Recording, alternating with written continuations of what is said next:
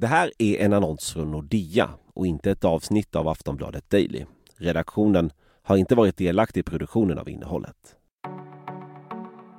Att vara ung idag det innebär en rad utmaningar gällande utbildning, jobbmöjligheter och att faktiskt få till en god ekonomi och stå på egna ben för att kunna ta stadiga kliv in i vuxenvärlden. Jag heter Erika Papagiannopoulou och jag jobbar med kommunikation kring just sparande på Nordea. Och med mig i studion så har jag Nordeas sparekonom Anders Stenkrona. Hejsan hejsan! Hej Anders! Hej. Idag handlar Sparpepp om att lyckas med ekonomin som ung. Och med oss i studion så har vi Shaiban och eh, du har gjort en otrolig resa in i vuxenvärlden med bra jobb och en stabil ekonomi. Hej på dig också! Hej på dig Erika. Hej, är det bra med dig? Det är bra faktiskt. Ja. Hur själv? Det är alldeles utmärkt. Jag är så nyfiken på att höra lite mer om din resa. Men eh, först så Anders, du möter ju många unga som vill få ordning på livet. Vilka är de största utmaningarna skulle du säga? Ja, alltså, de flesta ungdomar jag möter de är väldigt ambitiösa och de, de vill ju få ett liv med god ordning på ekonomin och sådana saker. Men tricket är att ta det i ett realistiskt och långsiktigt tempo. För många vill ju ha allt på en gång. De ser det där vill jag ha och gärna nu. och då finns det ju risker att om man, man belånar sig på fel sätt och så vidare. Men tar man det i realistiskt och långsiktigt tempo så blir det oftast väldigt bra. Så i grund och botten handlar det om att anamma goda vanor och följa sunda ekonomiska principer från början. Även i det lilla. Och så bygger du en stabil grund och då, då kommer det gå riktigt långt. Det är tricket. Väldigt intressant Anders. Nu sätter vi igång.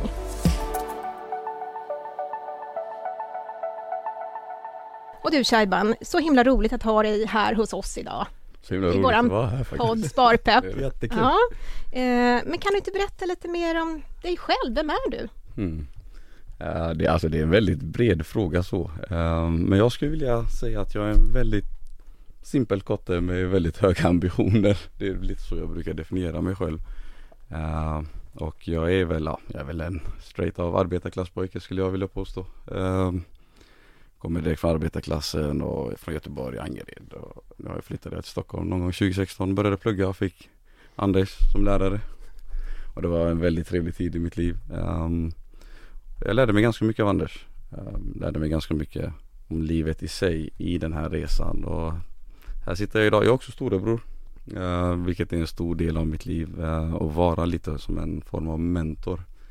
Um, till många syskon. Så jag är äldst i familjen. Uh, och det har också liksom definierat vem jag är uh, på så sätt. Ja men vad spännande, vilken intressant bakgrund. Men om du skulle beskriva din eh, ekonomiska situation idag, hur ser den ut? Uh, min ekonomiska situation ser väl bättre ut än vad det var när jag var student skulle jag säga. Men den, är, den är fantastisk. Jag är i mitten på min karriär och så. Och uh, ja, det är ju en resa ekonomiskt sett. Och så. Men alla har väl sina utmaningar nu i inflationstiderna. Jag har inte de utmaningar kanske gemene man har eftersom jag kanske lever i ett singelhushåll etc. Och så. Jag är ganska ung och kanske inte har samma kostnader som alla andra. Men det är väl en utmaning i marknaden idag eh, overall på så sätt. Eh, men för mig själv så känner jag inte att det är, det är någonting eh, som skaver någonstans. Jag brukar tänka på att jag tjänar avsevärt mycket mer än vad min pappa tjänade när han kom till Sverige och han lyckades försörja mig och mina syskon och min mor. Så att det blir ju typ att eh, man får väl vara tacksam med det man har. Ja, eh, du är från Irak, eller hur? mina föräldrar eh, revolutionerade mot Saddam Hussein eh, i början på 90-talet. Eh, och han var ju en hemsk man. Eh, så det var mest att han ja, bombade sönder den staden vi var i för att ja, han är ju diktator och han är ju en hemsk diktator och mina föräldrar kanske ville ha demokrati och lite mer frihet i livet sitt. Så de var illa tvungna att fly eh, och så eh, De kände inte varandra då vilket var ganska lustigt. De mötte varandra i det flyktinglägret jag föddes i. I gränsen mellan Irak och Saudiarabien. Så det var som ett FN-flyktingläger. Jag vet inte om du har sett den på TV, du vet Unicef-reklam Ja, ja, ja. med vita plaster. Mm, liksom. mm. Eh, Så jag är född i ett sånt. Där träffade mina föräldrar varandra också. Och sen så kom jag till Sverige som tvååring. Wow. Och så har jag Oj. väl spenderat mitt liv här i Sverige sedan dess. Det har gått några år. Så att det som är så bra är att jag kommer inte ihåg någonting Mm. eh, av flyktingläger. Vilket jag tror är bra för mig. Eh, För jag kan tänka mig att det måste vara väldigt traumatiskt för många. Sen växte jag upp i Angered. eh, I Göteborg. Göteborg. Mm. Um, började plugga natur i gymnasiet. Trodde jag skulle bli astronaut en gång i tiden. Okej. Men jag blev ekonom. Ja, Um, det är väl någon form av astronaut det också jag. absolut. Va, vad fick det att börja, var det normalt bland dina kompisar att man pluggade vidare eller var, var det, liksom, kände du dig själv på den resan? Jag tror att jag var ganska ensam på den Ja. resan. Men jag tror det kommer mycket från att eh, pappa ville att eh, jag skulle bli någonting. Mm. Så här, hela tiden. Då. Så här, du måste bli någonting eh, i samhället och du måste definiera dig själv. Du får inte låta samhället eller någon annan definiera dig. Och jag tror att eh, det kan vara det som är lite är, eh, kanske problemet ute i förorten. Att man låter sig definieras av andra. Eh, typ att man låter kanske samhället eller någon annan definiera en istället för att sätta grunden själv för sig själv och bara känna att okej, jag kan göra det jag vill här i livet. Jag tror inte man kan bli allt man vill här i livet. Jag kan inte bli Lionel Messi liksom. Mm. Jag är inte så bra på fotboll. Men jag tror att man kan göra allt det man har passion för här i livet. Och det gäller alla människor. Eh, Så gör det du tycker om och det du tycker att du är värd. Och det fick jag lära mig ganska tidigt.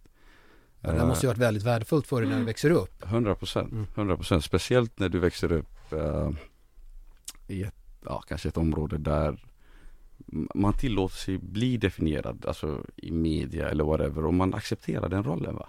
Att man kommer in och bara okej men jag är längst ner i hierarkin eller jag är längst ner i samhället och det är den jag är. Och eh, jag kunde inte se det på mig själv. Eh, Alltså det här är superspännande för att Mm. som du berättade att dina, dina föräldrar sa att de kanske inte var det mest bemedlade. Jag gissar att Mm. du, du har inget jättearv i pengar att se fram emot. Nej. Men det du nämner skulle jag påstå är mer värdefullt Mm. arv än pengar.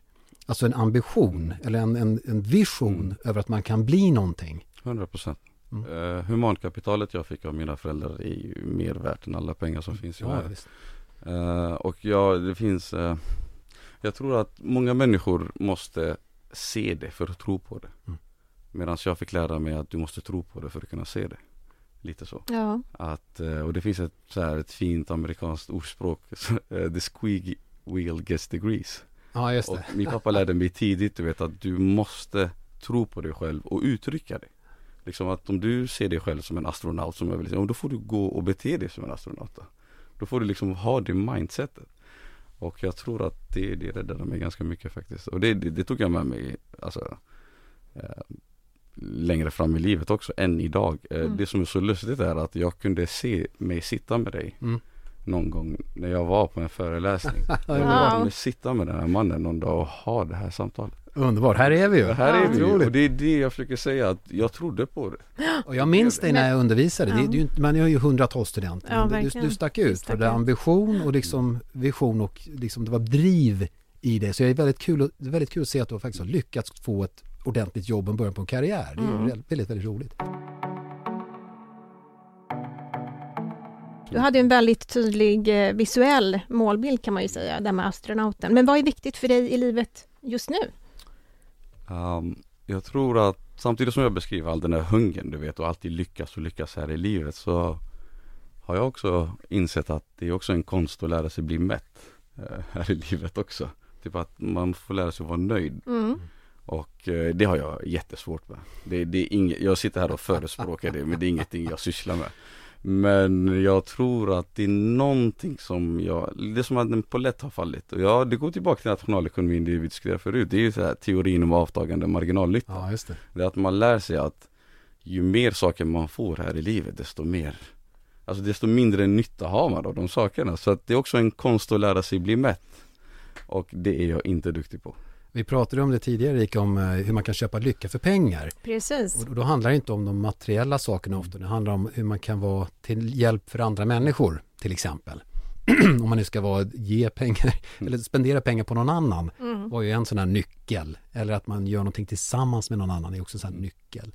Så det är, det är helt rätt. Saker tenderar man att inte bli så mätt på. Men, men det är väl där du får störst glädje Anders va? Ja. Det var faktiskt att lära ut. Ja, ja, ja, tveklöst. Jag kan tänka mig det. Jag kan tänka mig det. Men det här med en ordnad ekonomi brukar man ju prata om. Mm. Hur ser du på det? Jag brukar säga att man är tre personer. Man är sitt historiska jag, man är sitt framtida jag och man är sitt nutida jag. Och det är viktigt att betala både sitt historiska jag och sitt framtida jag. Och min historiska jag, det är väl jag och mitt autogiro och mitt American Express och mina liksom fakturor. De måste jag betala. Det är liksom vad historiska jag har sysslat med. Sen har du en framtida jag, vet, han behöver pengarna också. Så att honom måste jag också betala. Ja, det är smart. Så att det är så. Och det är jättesvårt att visualisera sig själv i framtiden. Mm. Det är jättesvårt för man tänker, men jag vet ju inte som jag lever där och då. Så det kanske är bättre att spendera pengarna här och nu. Men jag har lärt mig att det är viktigt att se det, se sig själv i framtiden. Och sen efter att jag gjort allt det där, efter att jag har betalat historiska jag och framtida jag. Då kan nutida jag njuta med de pengarna som är kvar, det vill säga residualen som är kvar av lönen etc. Och det är så jag har sett min ekonomi, liksom, att det är viktigt att betala liksom, sina skulder, CSN, huslån, whatever. Och det är viktigt att investera i sig själv i framtiden. Vad det nu kan vara man vill investera i. Helst är det indexfonder har jag lärt mig Anders. och, sen, och sen resten kan jag väl göra vad jag vill med. Jag kan njuta av livet. Och du måste få kunna ha kul, kul nu också. Det är, det är super, också. Ja, ja, det är super. Mm. Men eh, det låter ju som att du har kommit igång med att spara och investera också. Mm. Det har jag. Ja. Uh, som sagt, indexfonder, det bästa jag vet. Uh, inte mer än två. Kanske en global och en svensk. Så är du klar egentligen. You can't beat the market. I've tried.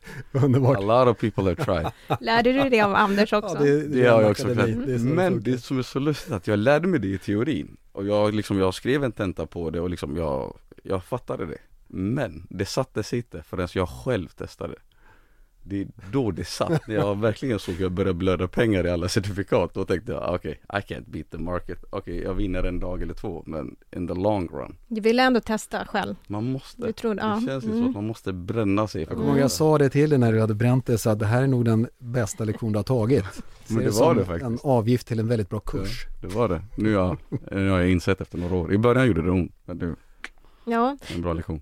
Men du Anders, vad tänker du kring Shaibans läge idag? Han har ju är relativt ung. Har vi frågat hur gammal du är? Om man får jag fyllde 30 för någon, är det, några månader sedan. Grattis. Jag är inte ung längre. Nej, jo då. 30, har ett bra jobb. Du jobbar som revisor idag, mm. eller hur? Mm. Hur tänker du kring Shaibans läge? Ja, nej men alltså det här är ju, han är ju precis mitt i prick här på spåret och det här tycker jag är en, en härlig förebild om man tänker sig, kan, kan man lyckas ta sig in i arbetsvärlden? Du, du gjorde ju det. Du lyckades ju ta dig igenom. Du kom från en ort där det kanske inte var vanligast i världen att man mm. pluggade vidare. Du sa att det, det känns som att man har iklätt sig en roll av att mm. vara offer lite grann. Mm. Du struntade i den rollen, penetrerade hela svenska systemet och bara tog det upp till vad som skulle kallas för en riktigt bra början på en karriär. Det är riktigt häftigt. Och det är ju så att det, det, när man får sitt första riktiga jobb, det är då man börjar få in pengar på kontot mer än vad man är van vid att spendera. Och då är det väldigt lätt att börja spendera. För det är så lätt att liksom öka konsumtionen. Så det här är ju väldigt bra. Kan man, kan man lyckas hålla samma standard som innan man fick jobbet, i alla fall ett tag. Mm. Oh, vilken fördel man får. Alltså att spara de pengarna som blev överskottet. Får en enorm fördel och ett fantastiskt läge då att man kan, då man kan köpa en bostad. Vi pratade med Meghan förra gången. Och hon lyckades ju spara överskottet i två år mm. och kunde då pynta handpenningen på sin lägenhet. Det, det är ju det som är grejen. Så kan man hålla en standard, en, den standard man hade innan man fick jobbet ett tag, då får man världens möjlighet att köpa bostad eller investera till framtiden på ett väldigt bra sätt.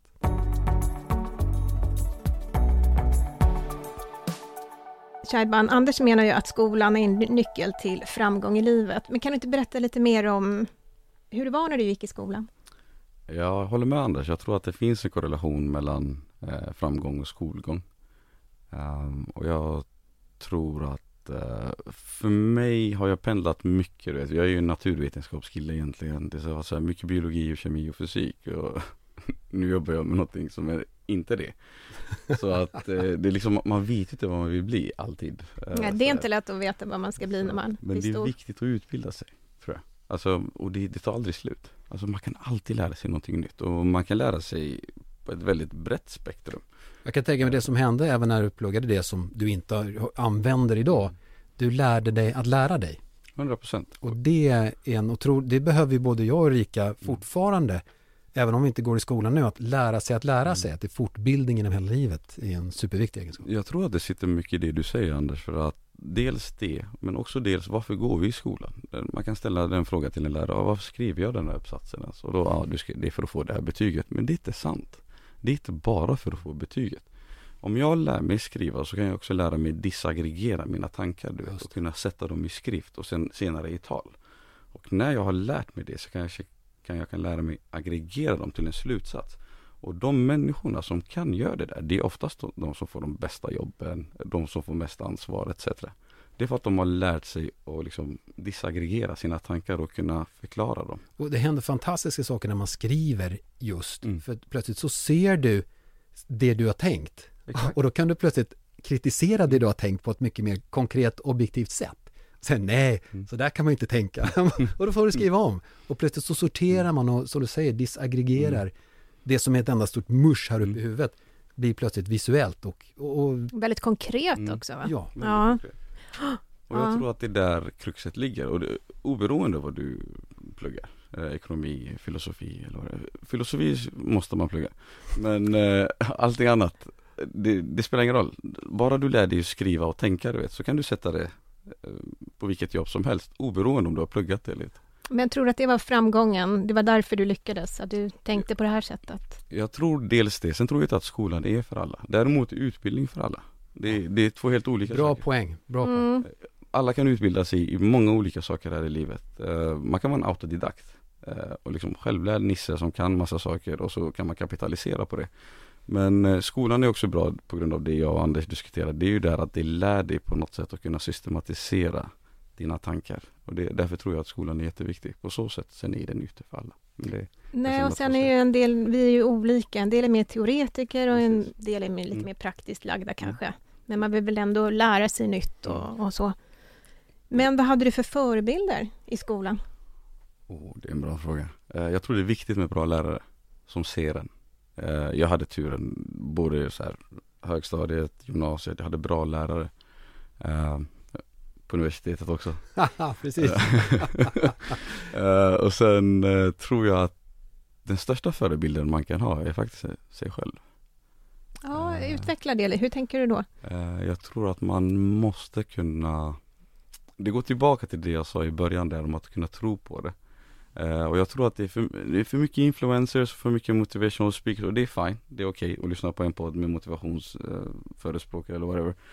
Men jag tror att det är viktigt att liksom gräva i sig själv och hitta motivationen inifrån.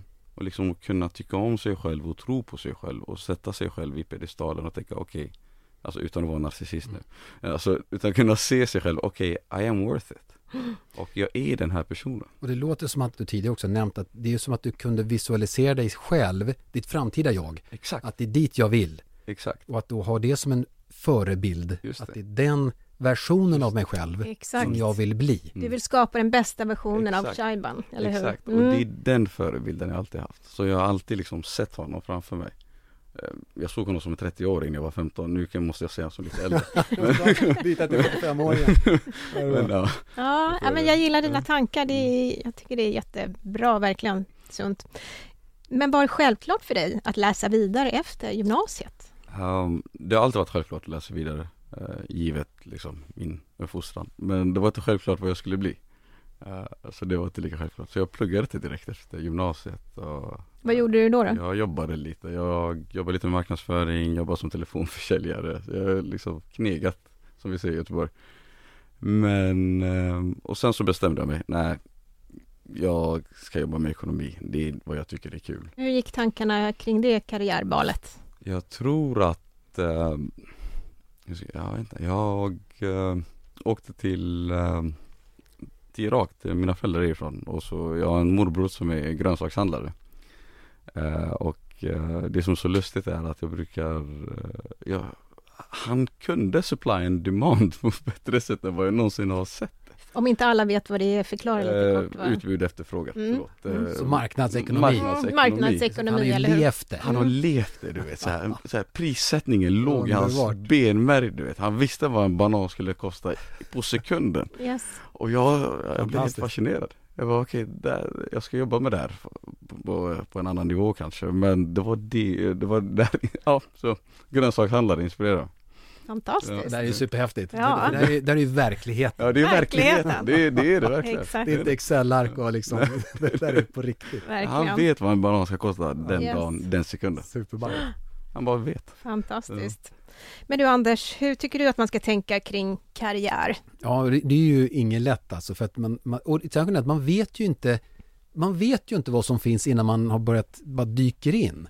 Och man kan, folk säger, men gör det du älskar att göra eller gör det du tycker är kul. Och jag, vet, jag har träffat folk som inte vet vad de tycker är kul eller vad de älskar att göra. För de har inte testat tillräckligt mycket. Så jag tycker att börja med att testa grejer är en, en jätteviktig grej. Men det är ju tre grejer va. Man vill ha en kombo av det jag tycker om att göra, det jag är bra på att göra och det andra är villiga att betala mig för att göra.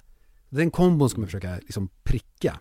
Och eh, det du snart kommer märka är att om du ger dig helhjärtat in i nästan vilket ämne som helst, men i alla fall har hygglig intresse för, så kommer du upptäcka att det finns en charm i nästan allt. Mm.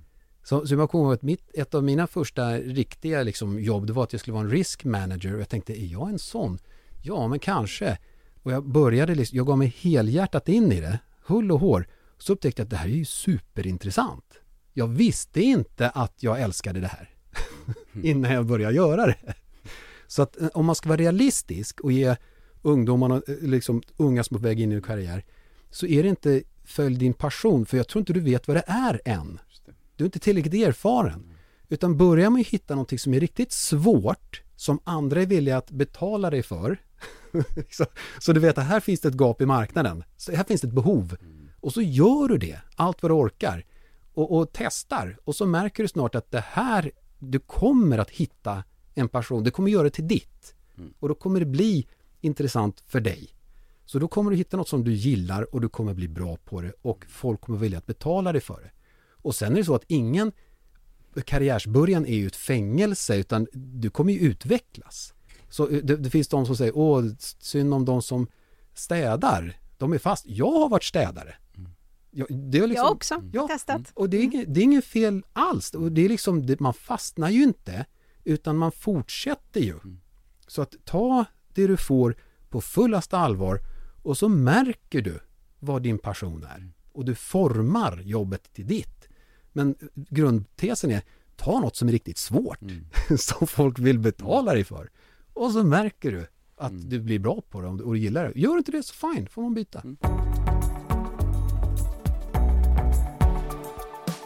Jag tänker att vi ska ta upp ett eh, litet känsligt ämne nu, eh, nämligen det här med lön. Vad är en bra lön, Anders? Nej, känsliga grejer. Ja. Alltså, vi, vi pratar, det är ju, jag vet inte om det bara är i Sverige det är kulturellt svårt att prata lön. Vet, man kanske gör det mer i USA.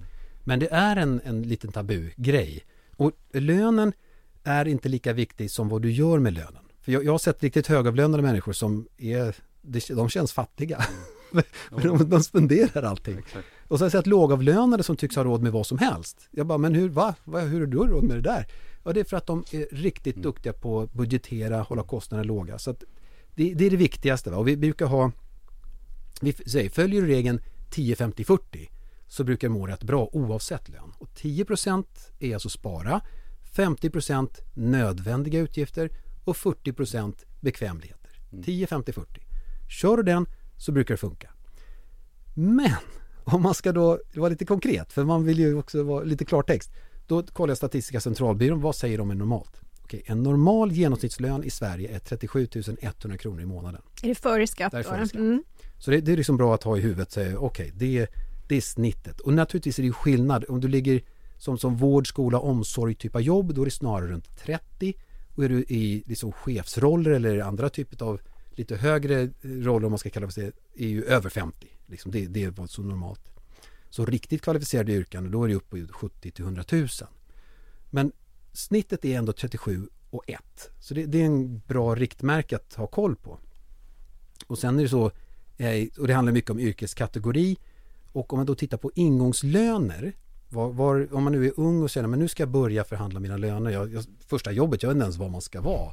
Ja, men då, då tittar man, vilken, vilket yrke är du i? Är det hotell, restaurang och detaljhandel? Ja, då är det 23 000 som ingångslön. Okej, då vet du det. Och är du ingenjör, just nybakad civilingenjör och ska in, då är det 39 500, så strax under 40. Så mellan 20 och 40 beroende på vilken, vilken sektor man börjar med. Och igen vill jag poängtera, lönen är inte lika viktig som vad du gör med lönen. Du, du kan leva fantastiskt på en låg lön för att du är smartare på att budgetera. Men hur viktigt är det att man har en bra ingångslön för resten av arbetslivet? Ja, alltså det är så här, egentligen är den första lönen du får inte det viktigaste riktmärket för att det är så här att arbetsgivaren tar ju en risk när, när han eller hon anställer dig. Så de vill ju veta, liksom, är, vad är du för en? Okej, okay, jag ser dina kriterier men jag vet ju inte, du är oprövad i marknaden. Kom in och testa. Så att ingångslönen är inte det viktigaste, utan det viktigaste är att du då får en chans mm. att testa dig. Och märker du då att ja, men min lön ökar ju inte i den takt att den borde göra, då finns det andra arbetsgivare. Mm. Och visar du framfötterna, gör du det så gott du kan, då öppnas det dörrar. Det, alltså de kommer ju lista ut vem det är, för det är en hyggligt effektiv marknad. Det går inte att underbetala någon i längden, för de kommer antingen flytta flytta på sig eller så blir det att de får helt enkelt höja din lön för att du ska vara kvar. Men det finns ju en hel del annat man kan tänka på också. Hur ska man tänka till exempel kring kollektivavtal och tjänstepension, Anders? Här har vi grejer och det här var en typisk grej som man ny missar. Jag hade ingen aning om det här när jag var ny i branschen. Vad, vad är det? Kollektivavtal? Jag vet inte ens vad det är för någonting. Och mitt allra första jobb så visste jag inte ens vad tjänstepension var.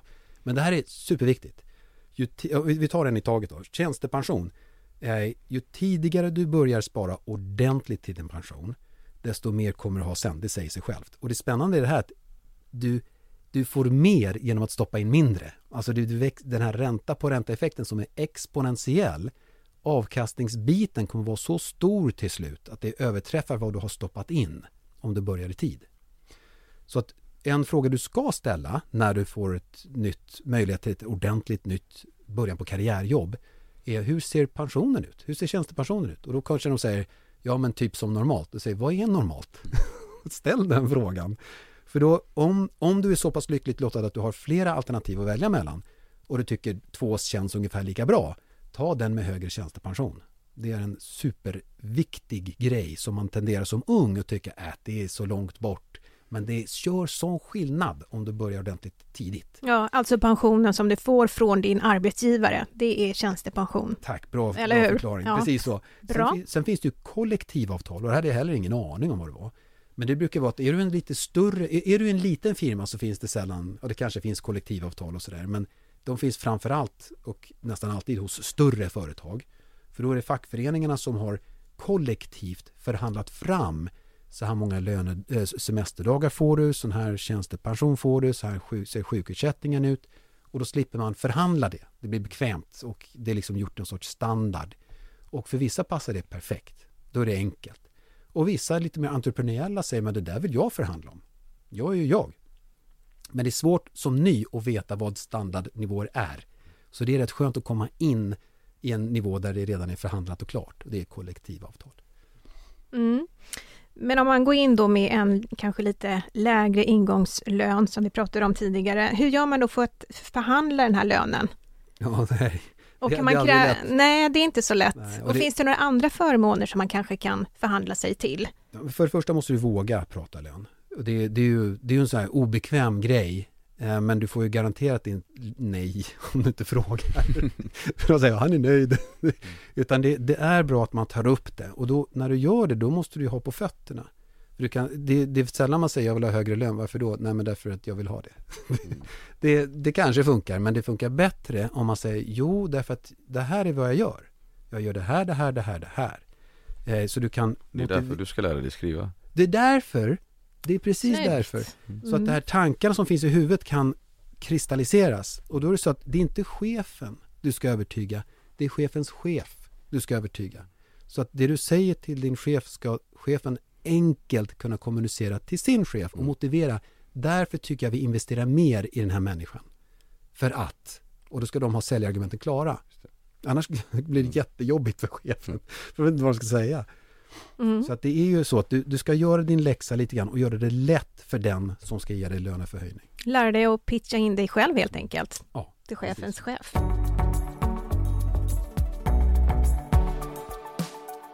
Nu är det dags för eh, veckans begrepp och det, det är, är styrränta. Jajamän, så att förra gången pratade vi om um, inflationen. Och det, här, och det ledde mig till att prata om eh, styrräntan. Vad är det liksom, hur försöker man få bukt på inflationen och vad är det som händer där? Eh, och då är det så att Riksbanken har ju uppdrag att upprätthålla en stabil och förutsägbar ekonomisk utveckling som det heter. Man ska kunna förutsäga vad, vad händer nu i marknaden. Och för att uppnå det så har Riksbanken satt ett mål på inflationen ska vara 2% Right. Så i teorin så kan Riksbanken påverka inflationen genom att höja eller minska sin styrränta. Riksbanken det är ju bankernas bank så när Riksbanken ändrar sin styrränta då ändras ju räntan som de andra bankerna kan få på sina pengar där de stoppar in det i Riksbanken eller vad de betalar för pengarna de lånar från Riksbanken. Höjs styrräntan ja då måste ju bankerna höja sin ränta mot sina kunder och sänks styrräntan, ja då kan bankerna sända, sänka sin ränta mot sina kunder. Och då påverkar det ju kundernas in och utlåningsräntor och bolåneräntor. Så om räntan höjs, ja då blir pengar dyrare och allting liksom bromsar in. De som har lån och betalar ränta, de får ju mindre pengar över till konsumtion så därför så bromsas ju allting in och inflationen minskar. Det är teorin.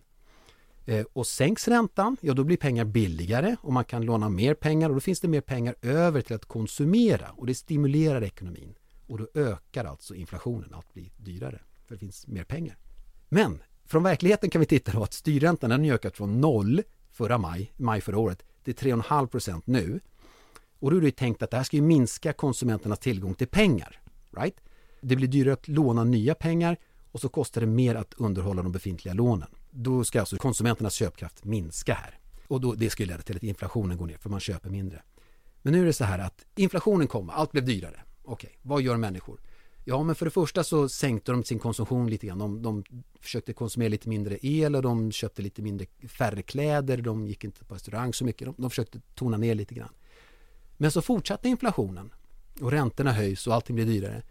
Eh, vad gör människor då? Jo, de slutar spara. Det är vad som hände. Så räntehöjningar bet inte därför folk hade, kunde liksom ta det, ta det på studs. De kunde ta det med knäna, vara lite mjuka i knäna och säga att ja men då sparar jag väl lite mindre och fortsätter konsumera. Mm. Och sen så fortsatte ju inflationen upp, man höjde räntan, ingenting händer därför att människor börjar använda sina besparade medel. Vi kunde se det på våra undersökningar som vi gör. Så ser man att först så slutar de köpa lite kläder, det gjorde inte så mycket. Sen slutar de spara och sen använder de besparingar som de har byggt upp sen covid då ingen kunde spendera någonting. Så att så länge människor har pengar så biter inte räntevapnet. Den andra grejen var att många har bundna räntor i sina bolån. Och så länge de har det så biter inte heller en räntehöjning därför att det berör inte dem förrän den löper ut. Så okej, okay, så det, det, det har tagit lite tid här och det har inte, det har, inflationen har sjunkit lite med räntehöjningen men inte så mycket som man hade kanske hoppats. Men nu har vi ett problem. Och det är att ju längre man har en hög ränta för att bromsa in allting och folk kan ändå spendera så då måste de fortsätta ha hög, hög ränta för att bromsa in eftersom det biter inte. Nu är det som ett chicken race. Vem viker först? Marknaden eller människorna? Alltså bankernas höjningar eller människorna och marknaden? Det är snarare så jag vill säga. Jo, och nu har vi ett litet problem. För faran är att ha en hög ränta för länge, vilket vi nu har, är att individer, i alla fall i USA börjar vi se att individer tar ut pengarna ur banken för att investera i högräntealternativ. Och då börjar bankerna få för lite likviditet mot vad de ska ha. Och då börjar det likna lite grann en bankkris. Och det här ska vi prata om i nästa avsnitt. Dagens begrepp bankkris. Och jag kan knappt vänta. Oj, vad spännande. Inte jag heller. Oj, oj, oj. Då måste du lyssna. mm, exakt. Då har vi lärt oss lite mer om styrränta och eh, jag skulle kunna sitta här hur länge som helst och prata med er, men det börjar bli dags att runda av. Men vad är det viktigaste som eh, ni skulle vilja skicka med till lyssnarna? Om vi börjar med dig Shaiban. Jag skulle vilja säga att det viktigaste ja, folk kan ta med sig faktiskt tro på sig själv. Det var väl det som blev ämnet i slut Anders va? Ja, jag tycker det, jag skulle säga samma sak. Att kunna ha en vision om vem man vill vara i framtiden mm. och ha det som ett riktmärke. Mm. Så dit vill jag och att det kan motivera en till att göra lite uppoffringar, göra gör de sakerna som andra inte orkar eller vill. Så att jag gör det därför att mm. jag har en vision. Mm. Jag ska dit bort. Det blir så här, okej, okay, jag vill ha det här livet. Jag, jag, jag har den här visionen om mig själv, jag vill ha den här båten, jag vill ha det här huset etc, etc, etc. Nu vill inte jag ha det, men den som vill ha det. Det blir din anledning att göra det. Eh, så jag tror att man måste liksom ge sig själv anledningar till varför man gör det här och det blir så här, du måste stimulera din snabba hjärna som man kan säga Mm. Anders är bättre på Men det är så här, du, du måste liksom ständigt säga till dig själv varför du gör det Mm.